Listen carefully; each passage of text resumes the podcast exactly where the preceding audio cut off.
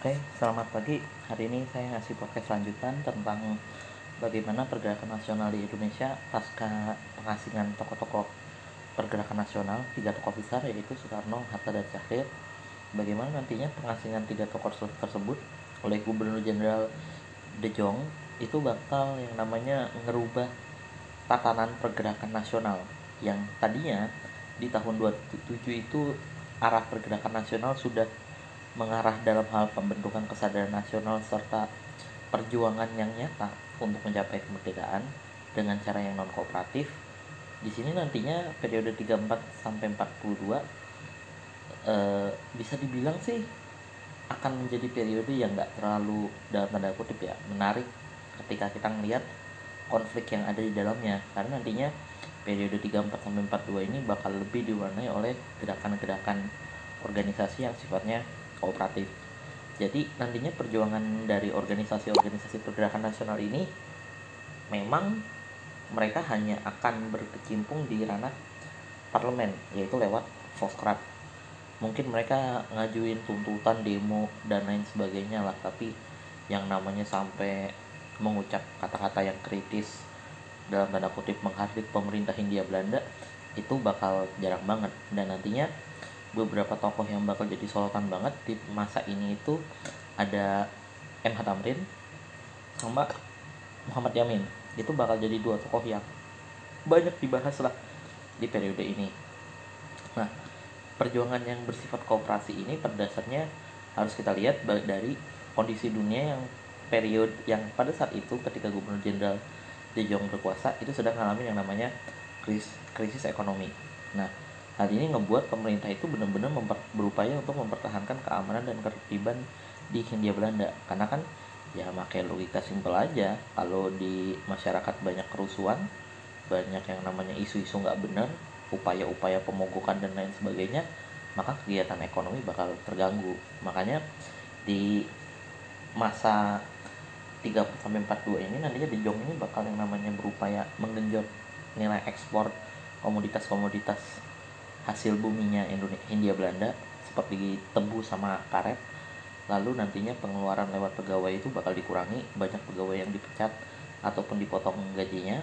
Dan di sini nantinya periode ko periode pergerakan nasional yang sifatnya kooperatif ini juga bisa terbentuk karena faktor gubernur jenderal yang nantinya menggantikan De Jonge pun itu adalah sama bersifat konservatif tidak liberal seperti The Graph atau Limbuk Stirum atau Edinburgh dan lain-lain lah. Nantinya De Jonge ini ketika dia uh, cabut dari uh, dari jabatannya sebagai gubernur jenderal dia bakal digantikan sama Charles Starkenborg nah nantinya di periode 34 sampai 42 ini di bawah dua gubernur jenderal De Jong dan Charles Starkenborg ini larangan-larangan terhadap vergadering, larangan berkumpul, ngadain rapat-rapat, e, bikin tulisan-tulisan yang sangat kritis kepada pemerintah Hindia Belanda itu benar-benar dilarang dan bahkan nantinya di periode ini e, Gubernur Jenderal bahkan menghidup bakal menghidupkan lagi PID yaitu e, polisi mata-mata dalam hal politik di Hindia Belanda. Jadi nantinya polisi ini bakal memata-matai tokoh-tokoh pergerakan nasional. Mereka itu ngapain aja sih? E, di masa-masa ini. Nah, di sini sebenarnya eh, apa yang dilakukan oleh tokoh-tokoh pergerakan nasional dengan mengambil jalan kooperatif sebenarnya mereka memilih jalan aman karena mereka sadar ketika mereka tetap mempertahankan jalan yang sifatnya non kooperatif mereka pasti bakal cepat atau lambat bakal dihukum diadili atau bahkan diasingkan oleh pemerintah India Belanda dan sebenarnya nantinya tokoh tokoh-tokoh pergerakan nasional ini punya alasan lain di samping mereka khawatir tentang posisi mereka di Hindia Belanda takut di penjara atau lain sebagainya mereka juga melihat kondisi dunia pada saat itu selama kurun waktu 34 sampai 42 ini bakal berkembang suatu paham baru yaitu paham fasisme. Fasisme ini eh, menjadi suatu paham yang mengedepankan pemerintahan dengan sifat militerisme banget di mana dalam pemerintahan tersebut segala sesuatunya itu harus satu suara. Apa kata militer? Kalau melawan pemerintah fasis ya sama aja dihukum mati. Dan ini bakal muncul di negara-negara seperti Italia, eh, Jerman dan juga Jepang yang sangat dekat banget lokasinya sama Indonesia. Alhasil nantinya di sini eh, tokoh-tokoh bergerak nasional dalam tanda kutip berupaya banget untuk yang namanya eh, ya udahlah nggak apa-apa kita dijajah sama Hindia Belanda. Yang penting demokrasi masih ada daripada kita di bawah pengaruh fasisme. Lebih kita nggak bisa ngapa-ngapain kayak gitu. Nah nantinya di sini ya prinsipnya tokoh-tokoh pergerakan nasional berupaya tetap mempertahankan eh, hak-hak demokrasi di Hindia Belanda seperti berpendapat dan lain sebagainya mengajukan usulan kepada pemerintah Hindia Belanda. Dan dalam periode ini tuh nantinya bakal ada dua gerakan yang muncul ya. Dan dua gerakan ini benar-benar dominan banget pada periode eh, perjuangan kooperatif di Hindia Belanda. Yaitu pertama akan ngomongin tentang petisi Sutarjo dan yang kedua itu ngomongin tentang GAPI gabungan aliansi politik Indonesia. Mirip kayak P3KI lah. Dan nantinya ketika kita bicara petisi Sutarjo dan GAPI ya kita akan bicara dengan tokoh yang tadi di awal saya bilang Tamrin dan Yamin yang sangat menonjol dan mereka pun bisa dibilang menonjolnya baru banget di samping nantinya ada beberapa tokoh lain seperti uh, Dr. Sutomo dan juga nantinya bakal ada tokoh Sutarjo. Nah, gerakan pertama dalam hal kooperatif yang dilakukan oleh tokoh-tokoh bergerak nasional itu adalah petisi Sutarjo. Nah, petisi Sutarjo itu adalah petisi yang diusulkan oleh Sutarjo Karto Adikusumo eh, sebagai wakil dari pegawai pamong praja alias para birokrat di pemerintahan pada tanggal 15 Juli 1936 di dalam sidang Volkskrab.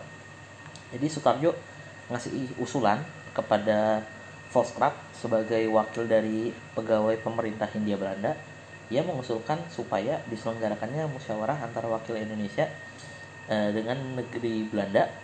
Jadi ada pertemuan antara wakil-wakil eh, dari negara Indonesia sama wakil-wakil dari negara Belanda untuk membicarakan persamaan kedudukan dan hak dalam hal politik.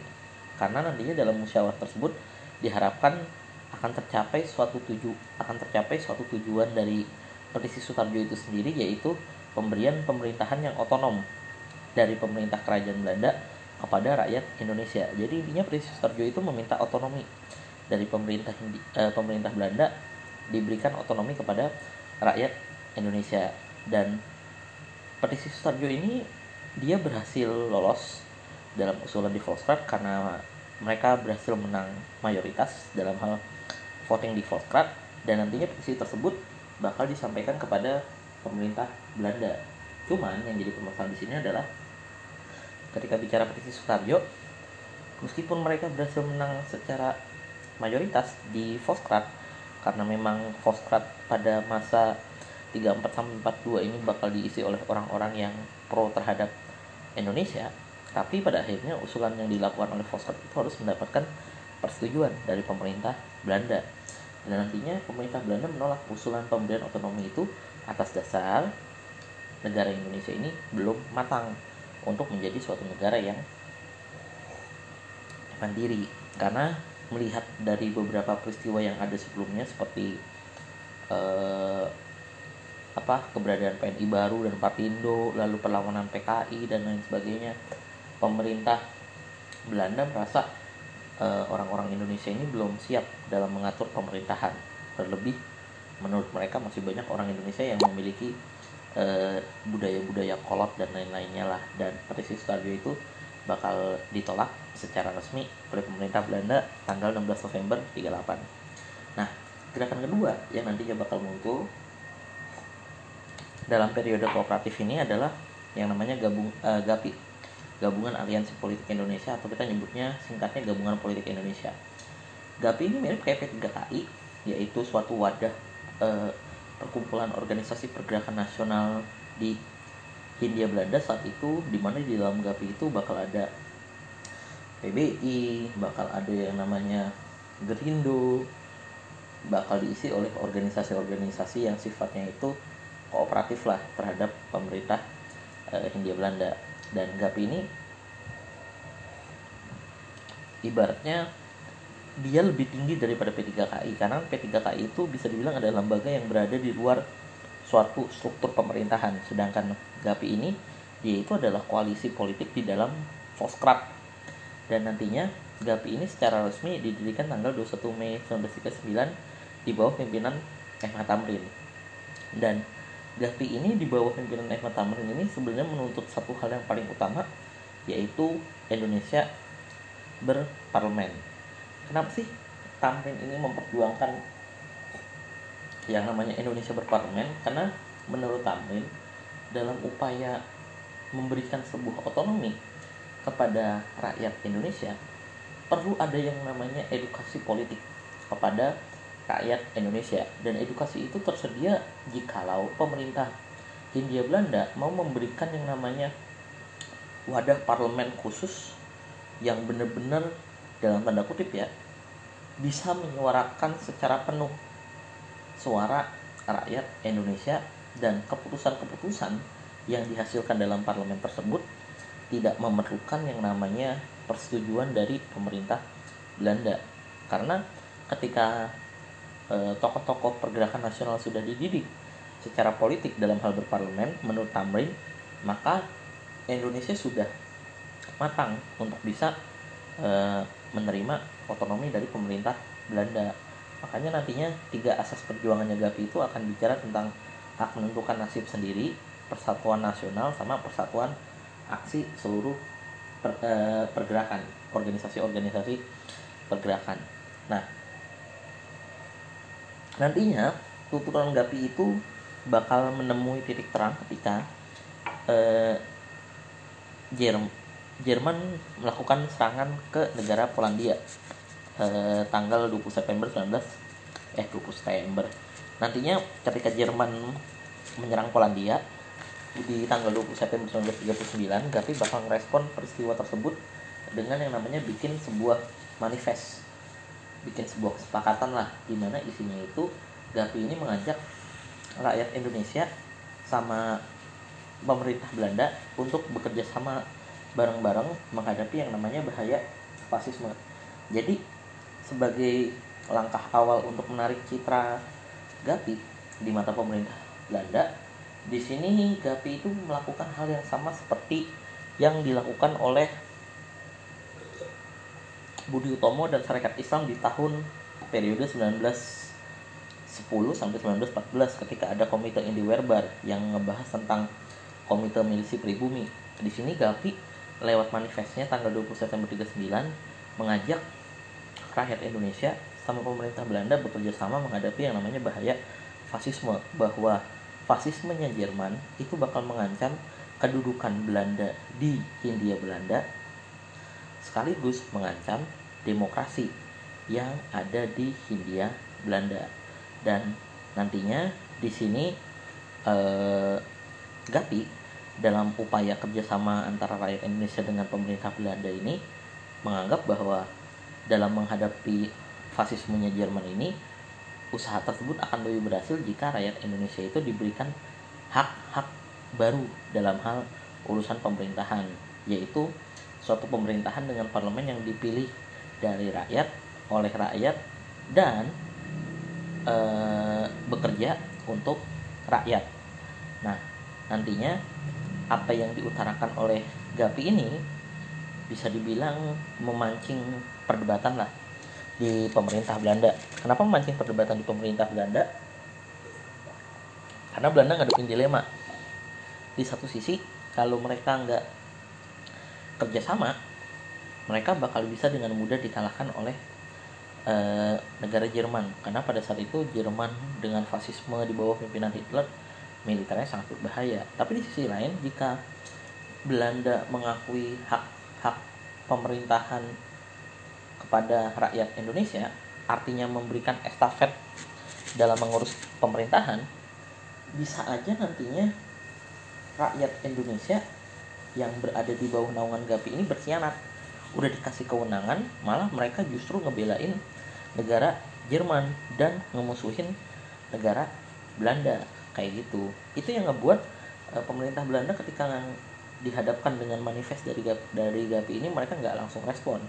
Dan GAPI ini dalam rangka mensukseskan manifestnya tersebut bakal nyelenggarain Kongres Rakyat Indonesia di Jakarta bulan Desember 39 dan dalam yang namanya kongres tersebut di sini sebagai tindak lanjut dari yang namanya e, manifest GAPI yang sebelumnya sudah disampaikan 20 September 39 GAPI ini mengharapkan bahwa ada beberapa kebijakan yang diberikan oleh pemerintah Belanda kepada rakyat Indonesia seperti penerapan lagu Indonesia Raya sebagai lagu kebangsaan serta e, peningkatan penggunaan bahasa Indonesia bagi semua rakyat Indonesia. Sebagai bukti konkret lah bahwa pemerintah Belanda mau e, bekerja sama dengan e, pemerintah Belanda kayak gitu.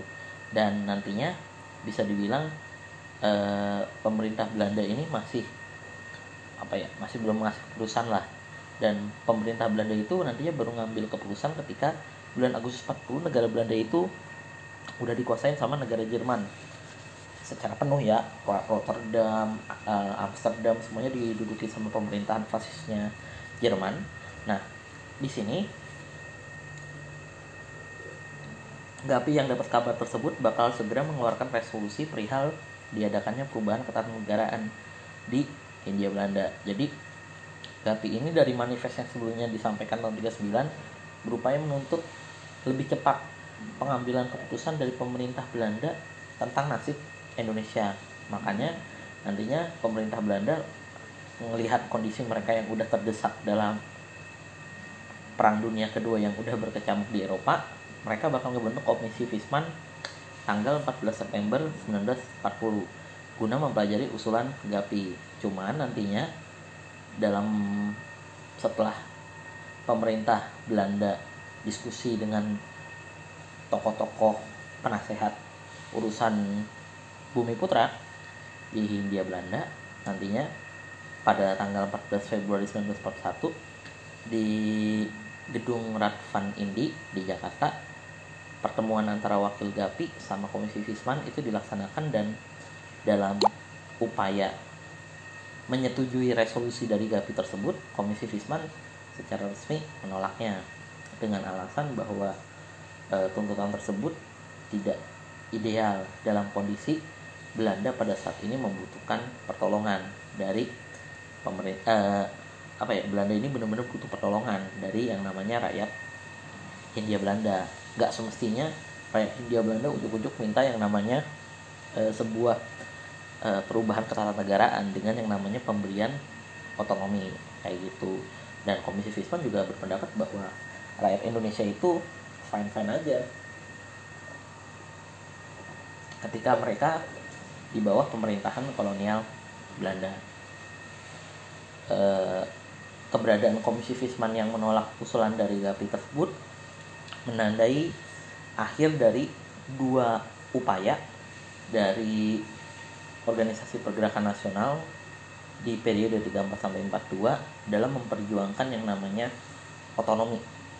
Jadi di sini bisa dibilang bahasanya ya bahasa yang terjadi di periode 34 sampai 42 ini adalah tokoh-tokoh pergerakan nasional ini merdekanya pengennya dikasih dari pemerintah Belanda. Secara baik-baiklah secara apa ya secara adem. Beda dengan tokoh-tokoh pergerakan nasional sebelumnya yaitu Soekarno Hatta Sarir yang menganggap kemerdekaan itu harus kita rebut bukan kita terima kayak gitu toh apa yang diambil jalannya itu oleh Soekarjo, Sutomo, eh, MH Tamrin, Yamin dan lain sebagainya itu adalah jalan yang ideal pada kondisi saat itu. Meskipun berbagai tuntutan mereka itu nggak menemui hasil yang memuaskan. Toh pada akhirnya situasi akan benar-benar berubah ketika nantinya secara perlahan Jepang itu bakal ngelakuin yang namanya invasi ke Hindia Belanda. Dan ini yang bakal jadi podcast bahasan selanjutnya tentang keruntuhan Hindia Belanda sekaligus materi terakhir dari sejarah minat kelas 11 yaitu masa pendudukan Jepang di Hindia Belanda. itu aja mungkin podcast dari saya hari ini. Terima kasih. Selamat pagi